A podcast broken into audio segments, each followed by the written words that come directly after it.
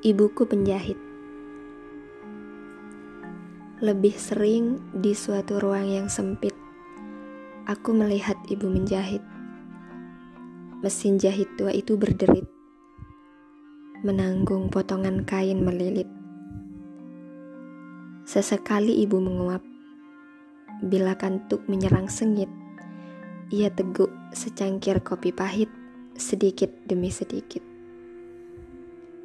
Sekian kali sebab duduk dan menunduk puluhan menit, leher dan punggungnya mulai menjerit, sakit.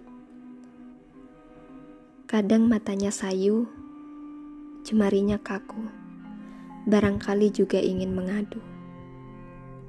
Namun kehendaknya lebih menggebu, lebih lantang berseru. Ibuku penjahit di tangannya, dengan benang ketabahan ribuan mimpi kami terjahit. Dalam keyakinannya, doa dan harapan kami melangit. Setiap waktu, aku tahu bersama takdir ibu sedang saling lempar dadu.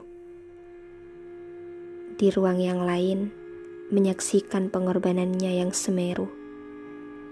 Aku hanya mampu terharu dan tergugu.